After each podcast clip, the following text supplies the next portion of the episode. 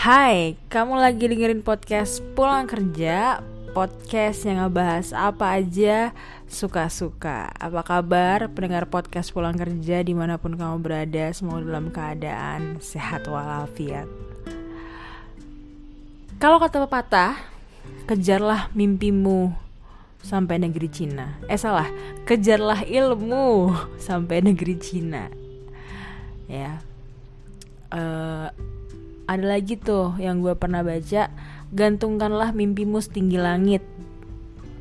Jadi kalau kamu jatuh kamu akan jatuh di antara bintang-bintang atau di antara awan-awan ya gue lupa. Intinya gitu deh. Um, kalau kemarin gue sempat ngebahas tentang kehampaan yang gue rasakan. Kali ini gue mau bahas tentang uh, mengejar mimpi gitu ya. Jadi gue kemarin nonton uh, wawancaranya Panji sama Daniel Mananta. Kemudian Panji bilang bahwa dia selama dia hidup dia selalu mencari passionnya apa gitu. Kayak nggak pernah puas gitu. Dan mungkin itu yang gue rasakan ya. Jadi kemudian gue berasumsi bahwa wow it's okay kalau misalkan gue punya banyak um, hal yang mau gue lakukan dan gue masih tetap merasa nggak puas dan gue tetap terus mencari gitu ya. Kayak gue bisa dibilang banyak mencobain sesuatu tapi gue tuh nggak fokus gitu loh. Kayak uh, oke okay, gue cobain berkarir di kopi gitu ya jadi barista. Gue pelajarin kopi. Gue suka banget kopi uh, tapi sekarang nih gue udah jarang untuk ngikutin perkembangannya lagi gitu. Kan kopi tuh berkembang terus ya banyak hal-hal baru di kopi. Kayak misalkan dulu uh, air itu pengaruh kayak uh, gue lupa lagi. Jadi kalau di air itu ada TDS-nya kan. Nah TDS itu total destilasi apa sih? Gue lupa tuh. Itulah pokoknya. Nah itu mempengaruhi rasa kopi gitu. Uh, terus katanya sekarang udah nggak lagi. Ada lagi yang baru apa nah gitu gitu tuh gue udah nggak update. Dulu gue sangat update karena mungkin pekerjaan gue sebagai barista kemudian gue di lingkungan yang emang juga sering bertukar informasi gitu ya. Jadi kalaupun gue nggak baca tuh pasti akan dicekokin nih gitu bacaannya atau pasti akan kebawa di diskusi juga eh tahu gak sih yang terbaru kan kayak gini gini gini gini gitu. Terus gue sempet nulis juga kan jadi blogger. Dan jadi blogger tuh dulu asiknya adalah datang ke event. Datang ke event dibayar CPA 50 foto-foto tweet-tweet tweet atau enggak bikin di apa di feed gitu ya posting di feed Instagram. Dulu tuh belum ada story seingat gue 2000 berapa tuh 2018 2017 2018 tuh belum ada. Gue tuh aktif 2017 lah ya sampai 2018 awal. Itu gue masih aktif ngeblog dan jadi blogger Semarang ikut komunitas.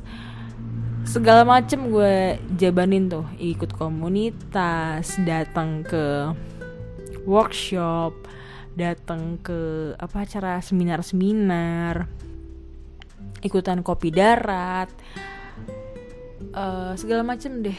Ikutan grup juga ya kan? Um, ya gitu. Tapi kemudian terus gue memutuskan untuk gue pingin fokus di kerjaan gitu. Gue pengen fokus di hal yang lain lah waktu itu gitu gue berpikir ya jadi gue tinggalkan dunia perblogeran itu. Sebenarnya kenapa gue waktu itu terjun di dunia perblogeran adalah karena gue suka nulis kan. Dari dari dulu gitu gue udah suka nulis. Dulu tuh gue waktu SMP pernah bikin uh, apa namanya tulisan gitu cerpen lah. Bukan cerpen sih sebenarnya uh, cukup panjang gitu ya. Di buku tulis. Bener-bener buku tulis apa tuh dulu namanya Sidu? Tahu kan? Atau Kiki gitu ya buku tulis. Gue tulis tangan ceritanya itu.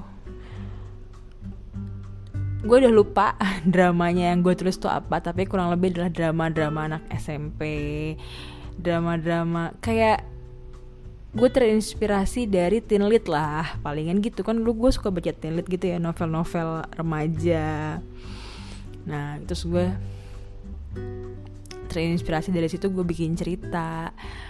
Dulu kayaknya belum ada Wattpad ya zaman itu gue SMP jadi gue suka nulis di buku. Kayaknya gue terinspirasi juga dari temen gue deh. Jadi ada satu temen gue yang dia juga suka nulis gitu di buku. Nah ya udah tuh gue bikin satu buku isi berapa sih tuh kalau biasanya? 100 halaman ya? Tuh gue tulis nanti kalau udah berapa halaman berhenti nanti kalau lagi ada waktu senggang gue baca lagi gue lanjutin lagi. Nulis tangan bo. Jadi tulisannya itu acak adut. Ada yang bagus ada yang gede-gede ada yang kecil-kecil ada yang ah gitu deh tergantung mood kan. Dan dulu buku itu tuh sempet kayak dibaca beberapa teman gue itu digilir ceritanya. Luar biasa. Kemudian gue sempet nulis gue ketik kan gue ketik gitu. Gue print beberapa halaman. Aduh judulnya apa ya dulu ya aduh pokoknya nama makanan gitu vanilla vanilla vanilla lo, lover apa apa gitu gue lupa. Vanilla lover atau apa ya? Alay. Pokoknya alay gitu judulnya itu.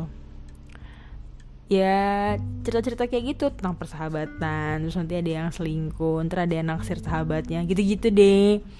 Kemudian uh, si yang gue print ini beredar juga di sekolah dulu gitu.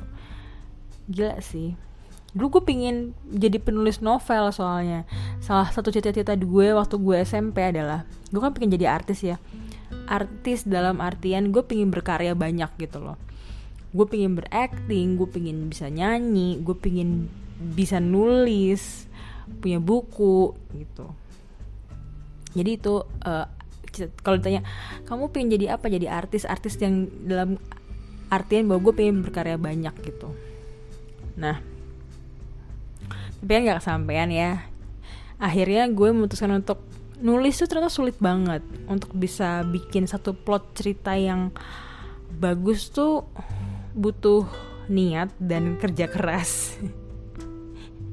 Susah banget. Dulu gue sempet kayak mm, udah bikin gitu ya penokohannya dulu ada berapa orang terus ini orang tanggal lahirnya berapa aja zodiaknya apa aja gitu-gitu terus gue beli cara-cara nulis apa gue beli buku panduan untuk menulis kayak gitu-gitu. Ya tapi ya gitulah. Belum kesampaian. Gue nggak bilang nggak kesampaian ya tapi belum kesampaian untuk jadi penulis. Jadi akhirnya gue nulis aja di blog gitu. Segala sesuatunya itu yang gue rasakan. Jadi lebih kayak curhat situ blog gue itu. Kemudian gue hmm, mengetahui bahwa oh ternyata blog ini bisa jadi sesuatu yang jadi pekerjaan. Kemudian gue lihat orang-orang juga banyak yang akhirnya tulisannya di blog dibukukan gitu ya. Terinspirasi lah gue. Kemudian gue mulai mencari. Gue butuh support system. Kalau gue cuma nulis aja sendiri terus gue nggak punya support system gue nggak akan bisa cepet nih berkembangnya. Jadi akhirnya gue cari komunitas dulu di kota gue ini yang bisa ngebantu gue bisa berkembang gitu kan. Kalau dengan komunitas kan lo bisa bertukar pikiran lo bisa diskusi lo bisa kasih tulisan lo nanti mereka akan bisa kasih komen terus kita bisa minta pendapat juga menurut lo kayak gimana tulisan gue gitu kan.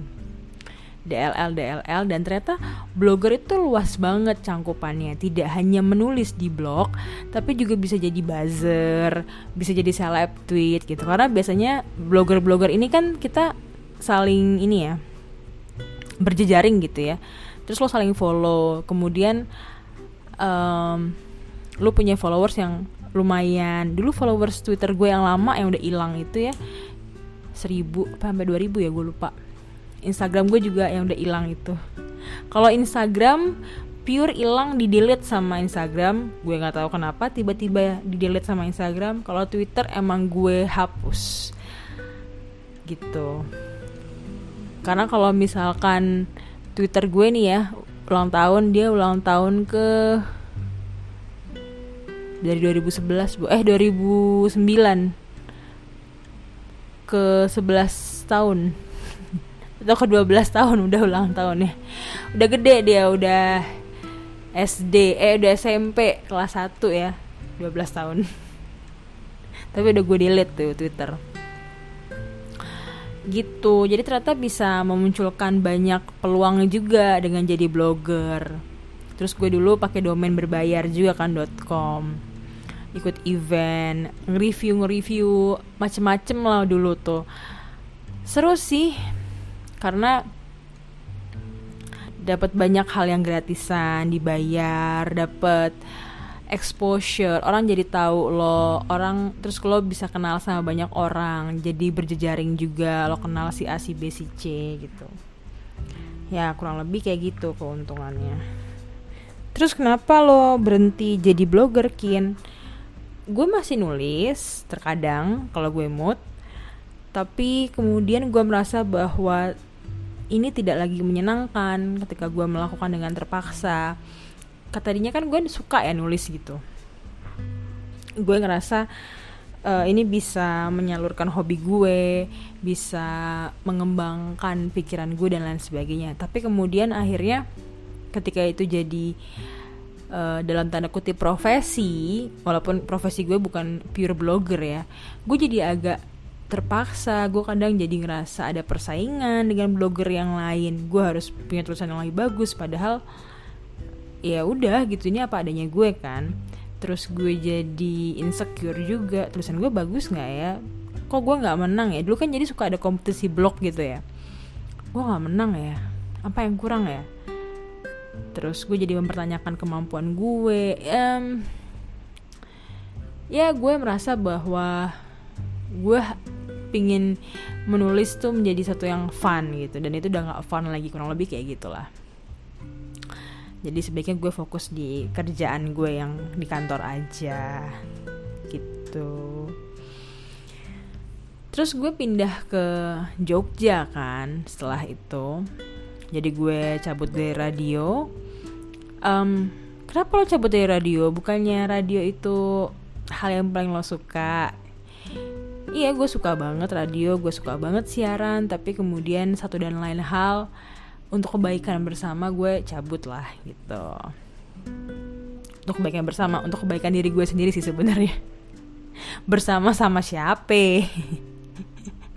Nah gue cabut dari radio gue cabut juga dari kantor gue yang di Semarang yang di agensi. Gue pindah ke Jogja dan menjadi barista tuh.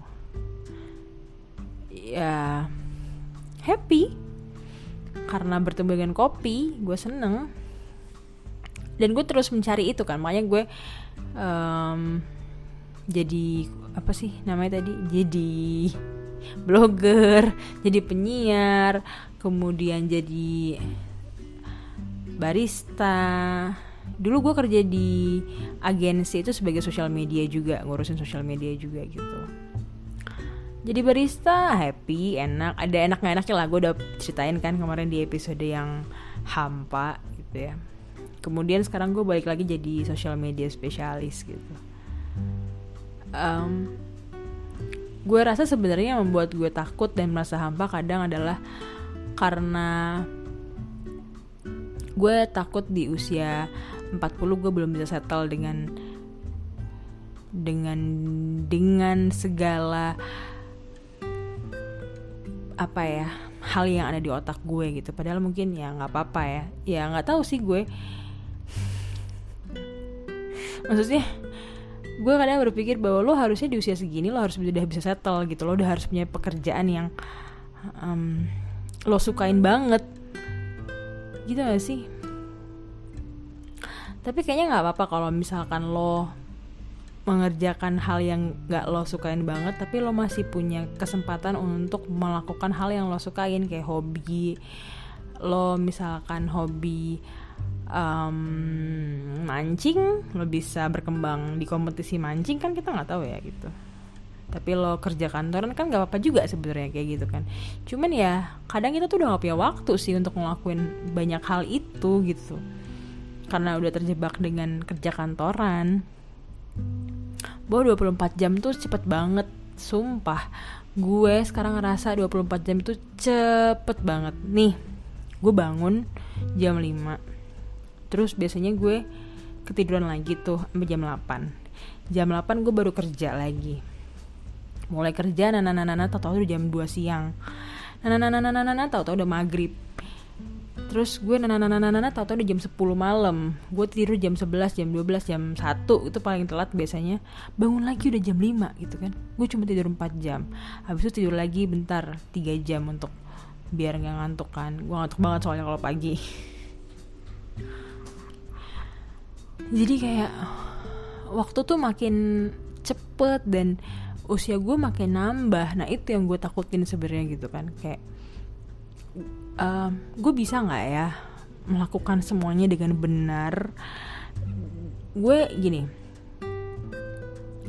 lo punya banyak passion itu nggak masalah kin. Dan lo terus mencari apa passion lo tuh nggak masalah. Masalahnya adalah mau sampai kapan lo mencari dalam ketidakpastian gitu. Maksudnya I know kita tuh berada di dalam dunia yang tidak pasti. Karena ketidakpastian itulah makanya ada yang namanya ilmu ekonomi gitu kan. Karena yang pasti hanyalah ketidakpastian itu sendiri. Oh untuk mengatasi ketidakpastian itu makanya kita butuh beberapa strategi dalam kehidupan ini gitu kan ya kayak saving, investasi itu karena dunia nggak nggak pasti kan. Jadi gue juga ngerasa sampai kapan gue mengejar mimpi di di dalam ketidakpastian gitu. Mungkin itu ya yang bikin gue ngerasa takut dan ngerasa kayak eh kok gue kayaknya berjalan di sini-sini aja? Kok gue ngerasa hampa? Kok gue ngerasa useless? Kok gue ngerasa meaningless? Kok gue ngerasa hidup gue nggak berarti ya gitu. Padahal sebenarnya kita tuh terus mencari arti hidup. Dan sampai kita meninggal gitu loh. Sampai kita udah tua pun kita masih mencari apa sih sebenarnya arti hidup kita gitu. Ya kan? Ya gak sih butuh divalidasi nih teman-teman gitu. Cuman balik lagi ya kayaknya yang perlu memvalidasi itu adalah diri kita sendiri karena pada akhirnya uh, cuman ada diri kita untuk diri kita gitu. Semua orang tuh pasti akan punya kesibukannya yang lain dan pada akhirnya ketika lo udah nggak ada siapa-siapa yang bisa nemenin lo di saat itu ya cuma ada diri lo gitu. Kayak misalnya gini deh lo punya pasangan lo punya teman-teman tapi pasti ada momen di mana lo butuh mereka. Cuma mereka nggak bisa luangin waktunya untuk lo karena mereka juga punya kesibukan yang lain. Well itu bukan salah mereka ya. Uh, tapi lo akan ngerasa kayak kenapa ya? Kok pas gue butuh mereka mereka nggak ada pas banget gitu kayak waktunya kayak um, bukan karena mereka nggak mau tapi karena mereka juga mungkin ada kegiatan lain ada kesibukan lain yang nggak bisa ditinggalin nih. Terus ujung-ujungnya kan lo pasti harus menghadapi diri lo yang lagi sedih itu kan jadi ada diri lo yang lain yang harus bisa bahagia dan menguatkan diri lo yang sedih meluk diri lo yang sedih jadi sebenarnya hanya ada lo dan diri lo yang bisa menguatkan lo gitu loh bukan orang lain Hah, gitu aja sih. Sepertinya episode ini juga agak ngeler ngidul ya. Gue gue lagi ngomong ke mana-mana. Ya tapi intinya ya nggak apa-apa kalau misalkan lo punya hmm, keinginan dalam hidup yang terus-menerus punya passion yang berubah-ubah punya uh, ambisi yang berganti-ganti dan lo belum bisa memutuskan keinginan dan tujuan hidup lo apa karena emang kita terus mencari gitu. Ya nggak apa-apa lah kan memang hidup ini tuh adalah pencarian. Dulu waktu Adam diturunkan ke bumi juga dia mencari kan dipisahkan oleh Hawa terus dia mencari Hawa gitu. Mereka saling mencari bertahun-tahun lamanya. Jadi kalau kita mencari soulmate kita juga bertahun-tahun lamanya soulmate ini dalam artian bukan hanya dalam hal pasangan hidup ya tapi soulmate dalam hal pekerjaan mungkin juga passion bahwa inilah yang klik inilah dia. Yang aku mau yang aku inginkan. Inilah tujuan hidupku gitu kan. Mungkin butuh waktu yang tidak sebentar untuk bisa menemukannya gitu. Ya nggak apa-apa juga kan. Ya. Yeah. gitu aja episode kali ini. Maaf kalau misalkan tidak menarik sama sekali obrolannya. Ya gue nggak berharap kalian dengerin juga sih. Eh, enggak deh gue bohong. Gue berharap kalian dengerin tapi ya udahlah terima kasih yang udah mendengarkan. Sampai jumpa di episode selanjutnya. Bye. Sehat-sehat terus ya